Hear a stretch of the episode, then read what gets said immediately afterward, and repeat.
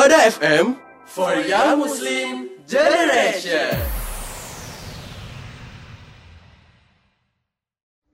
Halo, Assalamualaikum warahmatullahi wabarakatuh insan muda.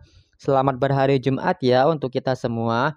Wah, berarti udah waktunya nih jeda balik lagi nemenin insan muda Supaya Jumatnya makin berfaedah. Tentunya bareng Rifki di sini yang bakal nemenin insan muda selama 40 menit ke depan By the way, gimana nih kabarnya insan muda di awal tahun dan di tengah persiapan liburan? Atau jangan-jangan malah udah pada liburan nih? Di mana pun kalian dan dalam kondisi apa pun, aku harap kita selalu dilimpahi kesehatan baik jasmani maupun rohani. Ngomongin perihal tahun baru nih, gimana sih perasaannya insan muda semua? Pas waktu malam tahun baru ke mana nih? Tim di rumah aja bareng keluarga atau keluar silaturahmi sama teman-teman? Hmm, emang boleh ya ngerayain? Kalau insan muda semua masih bingung juga perihal hukum merayakan tahun baru masehi, nggak apa-apa kok wajar karena kita semua belajar dan ya sekarang mumpung masih angkat nih tahun barunya. Jadi aku mau bahas mengenai memaknai tahun baru dari sudut pandang Islam. Tapi sebelum pembahasan mendalam perihal makna tahun baru, aku bakal bahas dulu hukum merayakan tahun baru Masehi dalam Islam. Jadi insan muda harus sabar dulu ya, karena aku bakal balik lagi setelah lagu yang satu ini. So, stay tune di Jeddah bareng Rifki di sini. Only on Sufada Radio for Young Muslim Generation.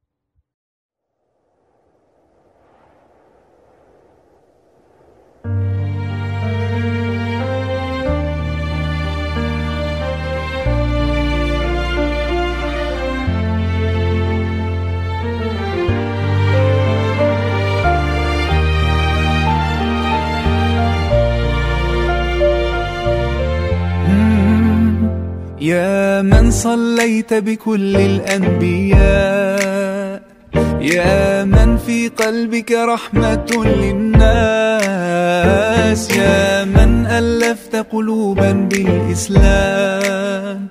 يا حبيبي يا شافعي يا رسول الله بأمي وأبي فديتك سيدي صلاة وسلام. عليك يا نبي. حبيبي يا محمد أتيت بالسلام والهدى محمد. حبيبي يا يا محمد يا رحمة للعالمين يا محمد. يا من حليت حياتنا بالإيمان. يا من بجمالك علمت الإحسان. يا من نورت قلوبنا بالقرآن. يا حبيبي يا شافعي يا رسول الله. بأمي وأبي فديتك سيدي. صلاة وسلام عليك يا نبي. حبيبي يا محمد أتيت بالسلام.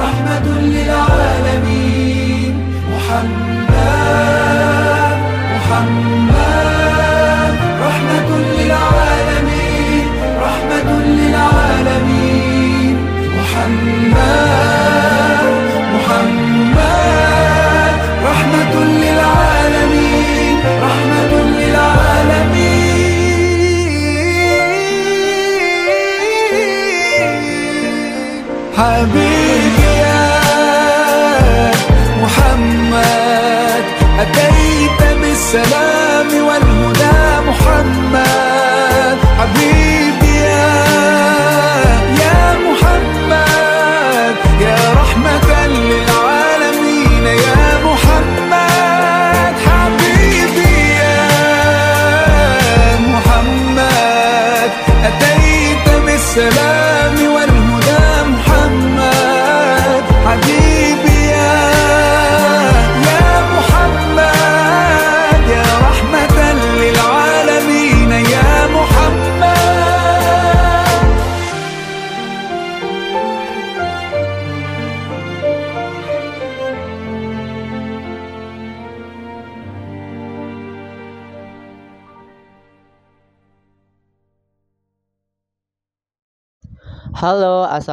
Assalamualaikum warahmatullahi wabarakatuh Insan muda. Balik lagi bareng aku Rifki yang bakal ngebahas hukum merayakan tahun baru masehi dalam Islam. Oke insan muda semua Seperti yang diketahui oleh banyak orang Polemik seperti ini akan selalu ada dalam masyarakat. Hal ini terjadi karena terdapat adanya perbedaan pendapat ulama. Ada yang memperbolehkan dan juga ada yang tidak memperbolehkan. Tapi sejauh dari laman yang aku kutip dari Muhammadiyah dan Nadatul Ulama, keduanya memperbolehkannya. Hal ini sebenarnya bukan suatu hal yang harus dipertentangkan, asalkan kita memaknai dengan baik akan adanya pergantian tahun. Berarti baik juga di dalamnya. Dalam Nadatul Ulama online juga menjelaskan mengenai hal ini boleh merayakan tahun baru selama tidak diisi dengan kemaksiatan seperti tindakan huru hara, balap liar, tawuran, pacaran, dan lain sebagainya. Hal tersebut selaras dengan pernyataan guru besar Al-Azhar Asyarif serta Mufti Agung Mesir Syekh Atiyah Shah wafat pada tahun 2006 Masehi. Tak diragukan lagi bahwa bersenang-senang dengan keindahan hidup yakni makan, minum, dan membersihkan diri merupakan sesuatu yang diperbolehkan selama masih selaras dengan syariat, tidak mengandung unsur kemaksiatan, tidak merusak kehormatan, dan bukan berangkat dari akidah yang rusak. Senada dengan fatwa yang dirilis oleh Mufti Agung Mesir, ulama pakar hadis terkemuka asal Haramain Syekh Sayyid Muhammad bin Alawi Al-Maliki wafat tahun 2004 Masehi dalam kitabnya menegaskan yang artinya sudah menjadi tradisi bagi kita berkumpul untuk menghidupkan berbagai momentum bersejarah seperti halnya Maulid Nabi, peringatan Isra Mi'raj, malam nisfu Sya'ban, tahun baru Hijriah, nuzulul Quran dan peringatan perang Badar. Menurut pandanganku, peringatan-peringatan seperti ini merupakan bagian daripada tradisi yang tidak terdapat korelasinya dengan agama, sehingga tidak bisa dikategorikan sebagai sesuatu yang disyariatkan ataupun disunahkan. Kembali demikian juga tidak berseberangan dengan dasar-dasar agama, sebab yang justru mengkhawatirkan ialah timbulnya keyakinan terhadap disyariatkannya sesuatu yang tidak disyariatkan. Jadi dapat disimpulkan bahwasannya peringatan momentum tahun baru dalam pandangan Islam masuk dalam kategori adat istiadat ataupun tradisi yang tidak memiliki korelasi dengan agama. Sehingga hukumnya bagi seorang muslim boleh-boleh saja merayakan pergantian tahun baru tersebut selama tidak diiringi dengan kemaksiatan. Gimana sekarang? Udah nggak bingung lagi kan insan muda? Pembahasan mengenai hukum merayakan tahun baru kan udah nih Next, pembahasan akan lebih menarik lagi loh. Banyak hal yang wajib banget insan muda ketahui. So, jangan kemana-mana ya. Tetap stay tune di Jeddah. Jumat berfaedah.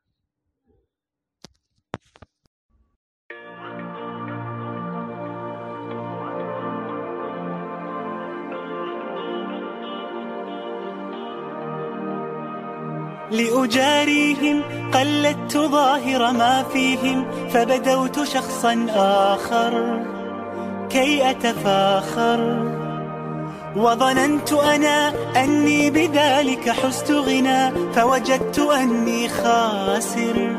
فتلك مظاهر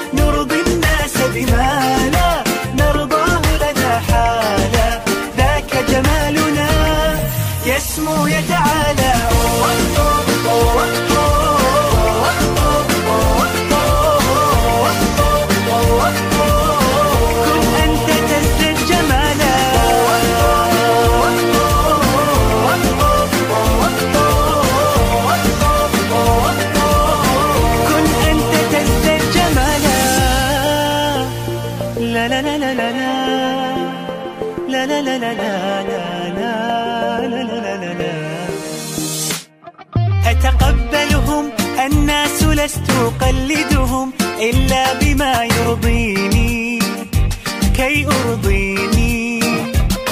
سأكون أنا مثلي تماما هذا أنا فقناعتي تكفيني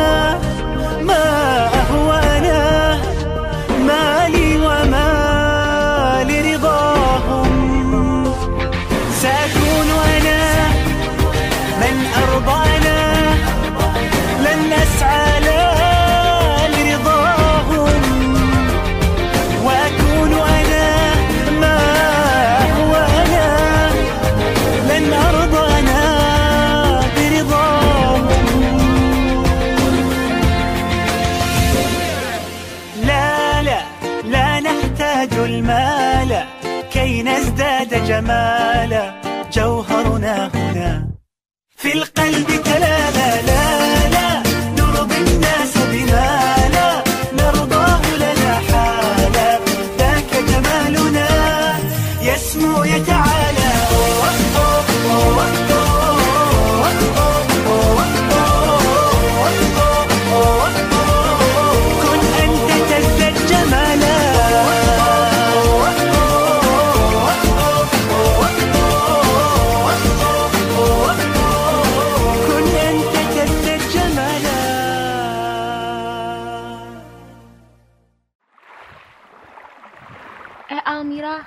Nggak sih kamu Tahu apaan, Nat? kalau sampah plastik itu memerlukan waktu 400 tahun loh untuk terurai di dalam air? Wah, lama banget ya. Berarti kita harus mengurangi sampah plastik agar bumi terlihat cantik. Bener banget Almira. Sekarang coba deh kamu tebak ada berapa banyak jumlah sampah plastik yang ada di lautan. Hmm, berapa ya, Nat? Pasti banyak banget ya nggak sih? Iya bener, bener banget. Ada 8 juta ton tiap tahun ditemukan sampah plastik yang dibuang di laut loh. Wah, banyak banget. Berarti kita nggak boleh membiarkan sampah plastik menguasai ruang kehidupan kita. Nah, makanya yuk mulai sekarang kurangi penggunaan sampah plastik. Buat insan muda, mari kita jaga bumi kita dengan mengurangi penggunaan plastik. Karena 50% kehidupan manusia di bumi bergantung pada laut. Dan setiap tahun, 1,5 juta hewan mati disebabkan oleh sampah plastik di laut. Yuk mulai sekarang kurangi penggunaan plastik untuk menjaga ekosistem alam. Iklan layanan masyarakat ini dipersembahkan oleh Sufada Radio for Young Muslim Generation.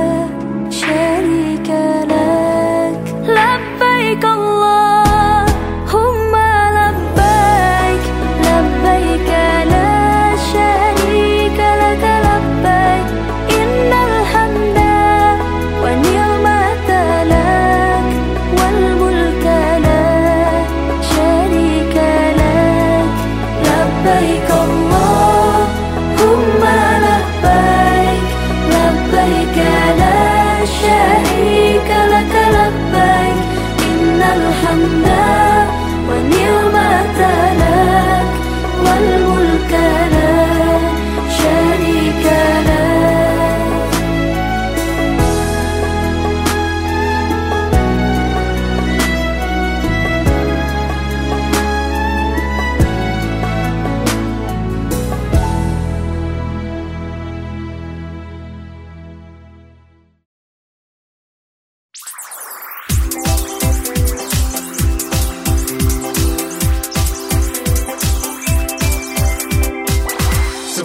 FM for Young Muslim Generation. Halo, Assalamualaikum warahmatullahi wabarakatuh insan muda. Kembali lagi bareng aku Rifki. Di segmen kali ini kita bakal ngelanjutin pembahasan yang tadi. Masih perihal tahun baru nih. Kira-kira gimana sih caranya untuk memaknai tahun baru Menurutku nih insan muda Momentum tahun baru itu bisa loh kita maknai dengan positif melalui muhasabah diri dari muhasabah yang kita lakukan nantinya kita akan memikirkan perilaku kita yang telah berlalu. Apakah kita sudah menjalani hidup dengan baik? Apakah kesalahan-kesalahan masa lalu masih sering dilakukan? Perintah muhasabah diri ini bisa kita temukan dalam surat Al-Hasr yang artinya Wahai orang-orang yang beriman, bertakwalah kepada Allah. Hendaklah setiap orang memperhatikan apa yang telah diperbuatnya untuk hari esok.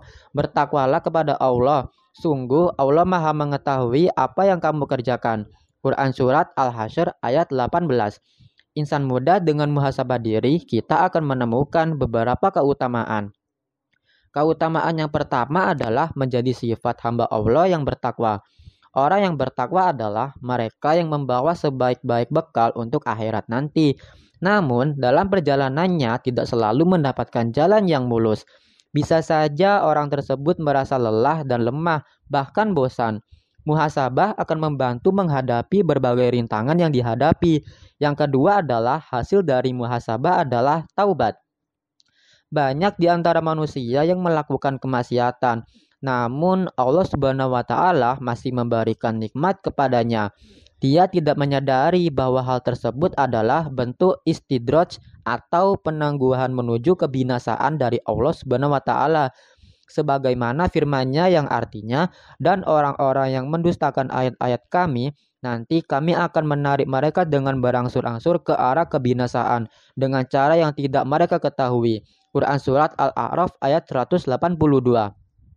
Orang-orang yang memahami ayat ini akan merasa takut atas peringatan Allah Subhanahu wa taala sehingga senantiasa mengintrospeksi diri. Jangan sampai bahwa nikmat yang telah diberikan merupakan bentuk istidraj. Oke, kita lanjut ke kita lanjut ke keutamaan muhasabah yang terakhir adalah menambah energi untuk beribadah. Muhasabah akan menjadi energi tambahan yang dibutuhkan saat mengerjakan seluruh perintah Allah Subhanahu wa taala. Dalam kitab Imam Bukhari dibuka dengan perkataan Abu Azinat. Sesungguhnya mayoritas sunnah dan kebenaran bertentangan dengan pendapat pribadi. Hadis riwayat Bukhari. Imam Bukhari mengatakan bahwa manusia sering menolak kebenaran hanya karena bertentangan dengan pendapat pribadi. Contohnya saja saat Rasulullah Shallallahu Alaihi Wasallam berdakwah, namun mendapat banyak penolakan karena bertolak belakang dengan keinginan pribadi suatu kaum. Karena itulah, muhasabah diri perlu dilakukan agar kita semua tidak terjebak ke dalam kemaksiatan dan kesesatan. Ini juga menjadi momen mencharge diri loh insan muda. Kita mengingat apa yang dilakukan untuk mencari kebaikan di dalamnya. Kemudian mengembangkan diri untuk menjadi pribadi yang lebih dicintai Allah Subhanahu wa taala. Nah, pembahasan kali ini dicukupkan dulu ya insan muda. Kita ketemu lagi di segmen selanjutnya yang tentunya juga menarik. So, jangan ke mana-mana ya. Stay tune di Sufada Radio for Young Muslim Generation. Halo insan muda, gimana nih kabarnya di penghujung tahun 2022? Insan muda tahu nggak sih asal-usul perayaan tahun baru masehi itu apa? Perayaan Tahun Baru Masehi merupakan perayaan yang dilakukan sebagian besar masyarakat di seluruh dunia untuk menyambut pergantian Tahun Baru Masehi. Tahun Baru Masehi merupakan hitungan tahun yang baru dalam kalender Masehi atau kalender yang umum digunakan secara universal di seluruh dunia. Pada saat ini, pergantian Tahun Baru Masehi ini biasa dirayakan oleh sebagian masyarakat di seluruh dunia dengan berbagai macam kegiatan yang diadakan mereka loh. Nah, buat insan muda, udah bikin rencana liburan tahun baru ke mana aja nih?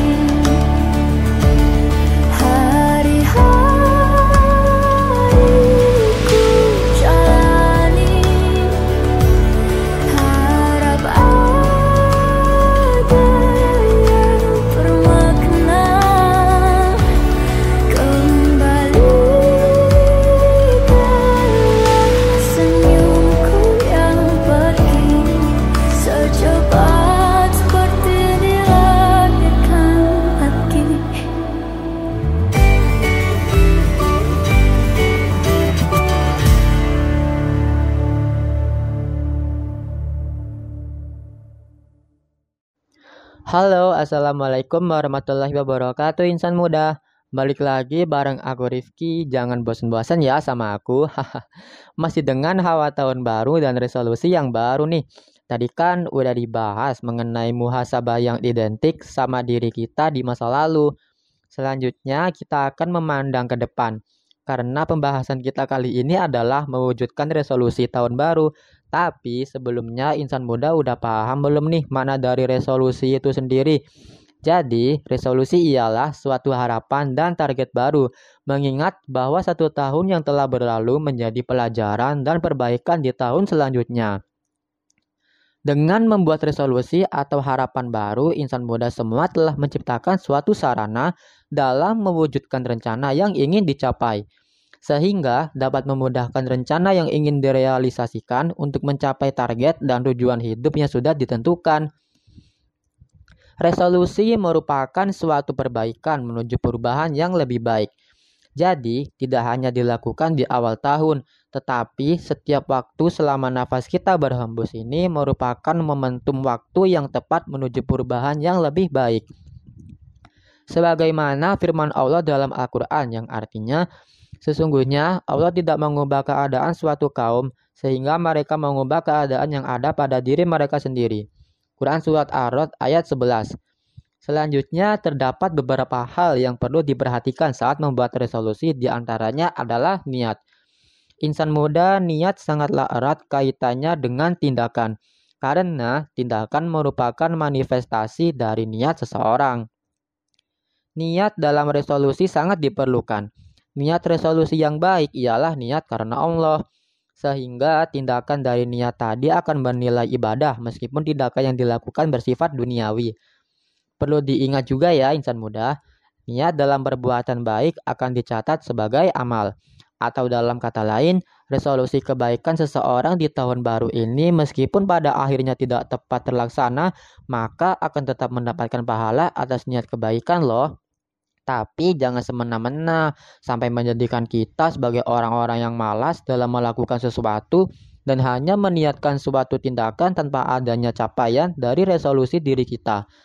Nah, selanjutnya yang perlu diperhatikan adalah konsisten. Konsisten dalam Islam dikenal dengan istiqomah yang berasal dari bahasa Arab kawama yang berarti tegak lurus. Istiqomah biasanya identik dengan keteguhan dalam pendirian seseorang. Dalam hal ini, kaitannya dengan resolusi istiqomah sangat diperlukan untuk merealisasikan resolusi diri yang telah dibuat agar semua itu dapat tercapai. Tentunya atas dasar pendirian yang teguh dan kemauan yang keras. Dan yang terakhir adalah resolusi dengan orientasi akhirat. Resolusi tahun baru tidak selalu identik dengan urusan dunia saja, melainkan resolusi urusan uhrawi serta menetapkan tujuan yang tinggi baik untuk kemajuan spiritual maupun materi juga diperlukan. Misalkan, resolusi dalam meningkatkan ibadah dan sebagainya. Begitu pula resolusi yang bersifat duniawi, Sebaiknya di dalamnya diselipkan resolusi yang orientasinya akhirat. Karena pada akhirnya kita semua akan kembali kepadanya dan melanjutkan kehidupan akhirat yang kekal.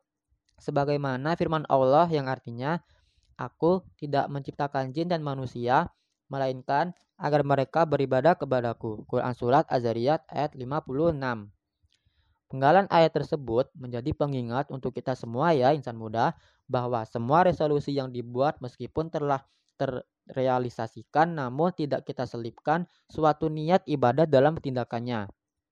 Maka resolusi tersebut hanya akan mendapatkan balasan duniawi tanpa ada balasan yang bernilai ukhrawi. Wah, panjang juga ya insan muda pembahasan kita. Mari kita break dulu. Tapi jangan ke mana-mana ya, tetap stay tune di Jeddah karena aku bakal balik lagi dan ke mana-mana ya, stay tune di Sufada Radio for Young Muslim Generation.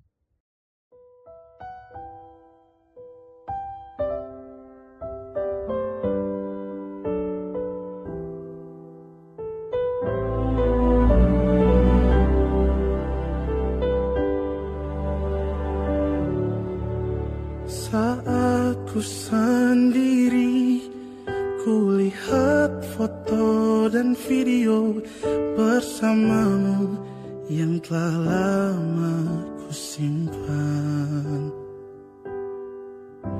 Hancur hati ini melihat semua gambar diri yang tak bisa ku ulang kembali.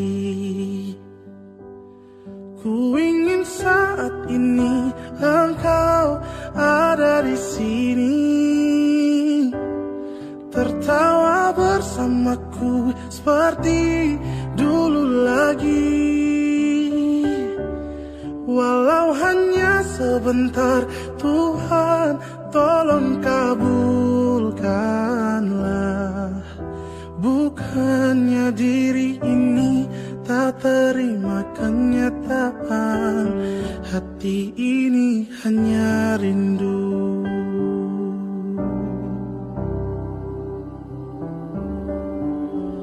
Segala cara telah ku coba Agar aku bisa tanpa dirimu semua berbeda Sulit ku menghapus kenangan bersamamu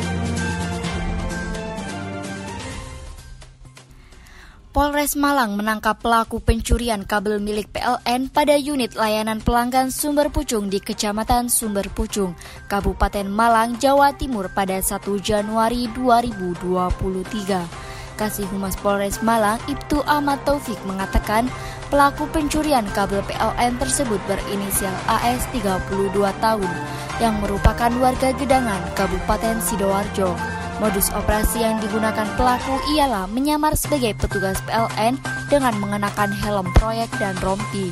Petugas mengamankan sejumlah barang bukti yang digunakan tersangka untuk melakukan aksinya, antara lain kabel ground tembaga milik PLN sepanjang 7 meter, alat potong kunci perkakas sepatu boot, rompi, dan helm proyek. Berdasarkan keterangan tersangka, sudah ada tujuh gardu PLN di tiga kecamatan yang menjadi sasaran pelaku pencurian salah satunya di Kecamatan Sumber Pucung. tersangka dijerat dengan pasal 363 KUHP tentang pencurian dengan pemberatan serta diancam hukuman maksimal 7 tahun penjara. Demikian informasi dari news hari ini melaporkan untuk Sufada Radio for Muslim Generation.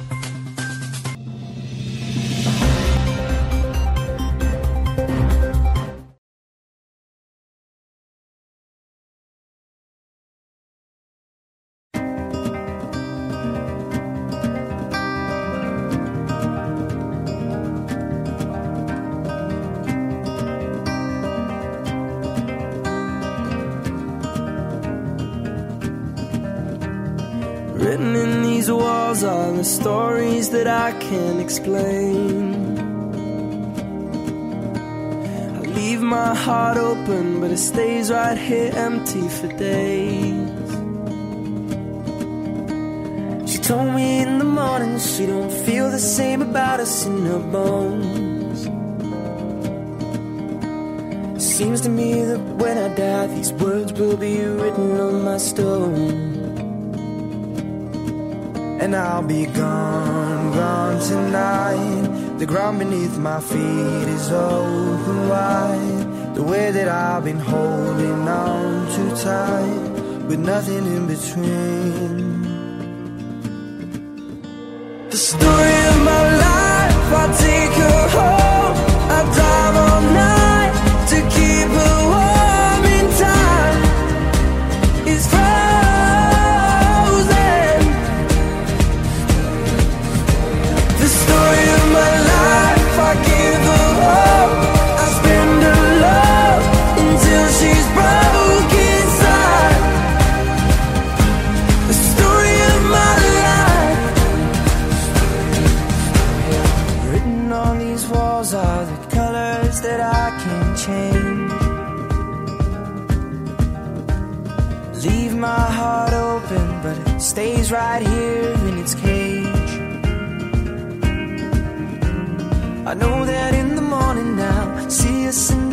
upon the hill.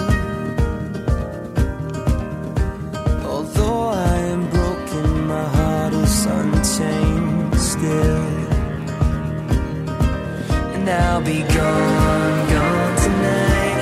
The fire beneath my feet is burning bright. The way that I've been holding on so tight, with nothing in between.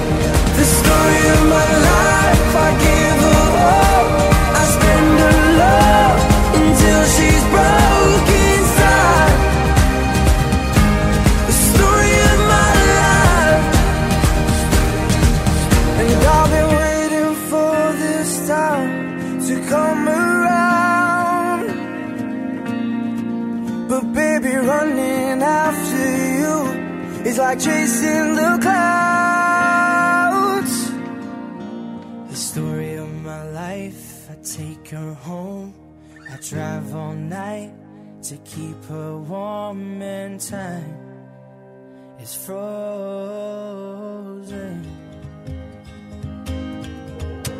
The story of my life, I give her hope.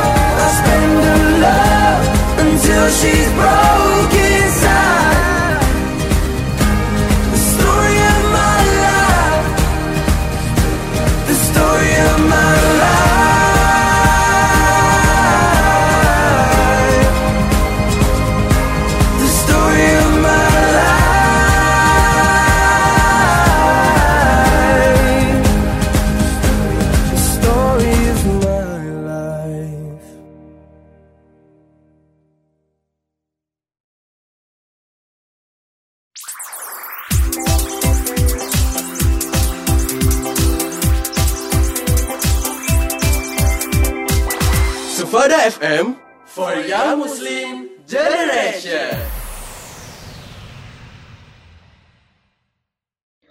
Halo, assalamualaikum warahmatullahi wabarakatuh. Gimana nih pembahasan yang tadi? Semoga bisa memupuk semangat insan muda ya, supaya tambah semangat lagi dalam membenahi diri setelah melakukan muhasabah diri. Selain itu, semoga apa yang kita harapkan di tahun ini bisa tercapai. Semangat ya untuk kita semua, dan jangan lupa untuk serius dalam menggapai resolusi kita di tahun ini. Tentunya dalam mewujudkan resolusi kita akan senantiasa diuji. Jadi, kita harus kuat, tetap berusaha, dan jangan lupa berdoa. Mungkin itu aja dari aku kali ini ya. Rifki berharap sekali pembahasan kali ini bisa bermanfaat untuk kita semua. Udah lama juga nih Rifki nemenin insan muda. Udah waktunya untuk berpisah nih. Tapi jangan sedih ya, karena jeda akan selalu menemani hari Jumat insan muda semua dengan pembahasan yang menarik dan pastinya dapat nambah ilmu juga dong. So, jangan lupa ya insan muda tetap dengerin Jeddah setiap hari Jumat. Only on Sepada Radio for Young Muslim Generation. Wassalamualaikum warahmatullahi wabarakatuh. See you.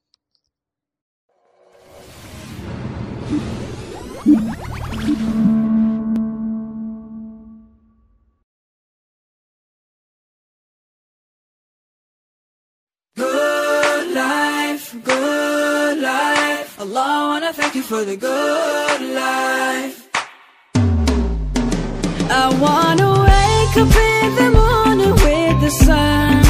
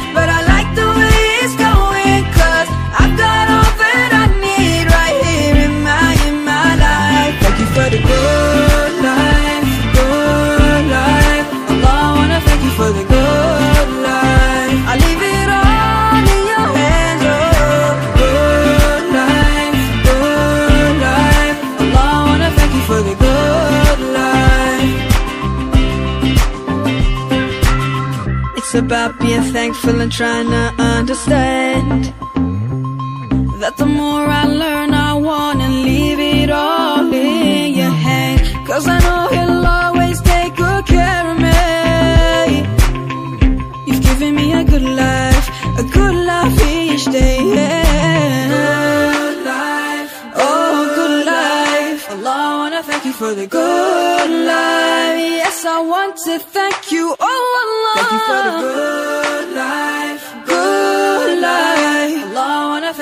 good life. I live it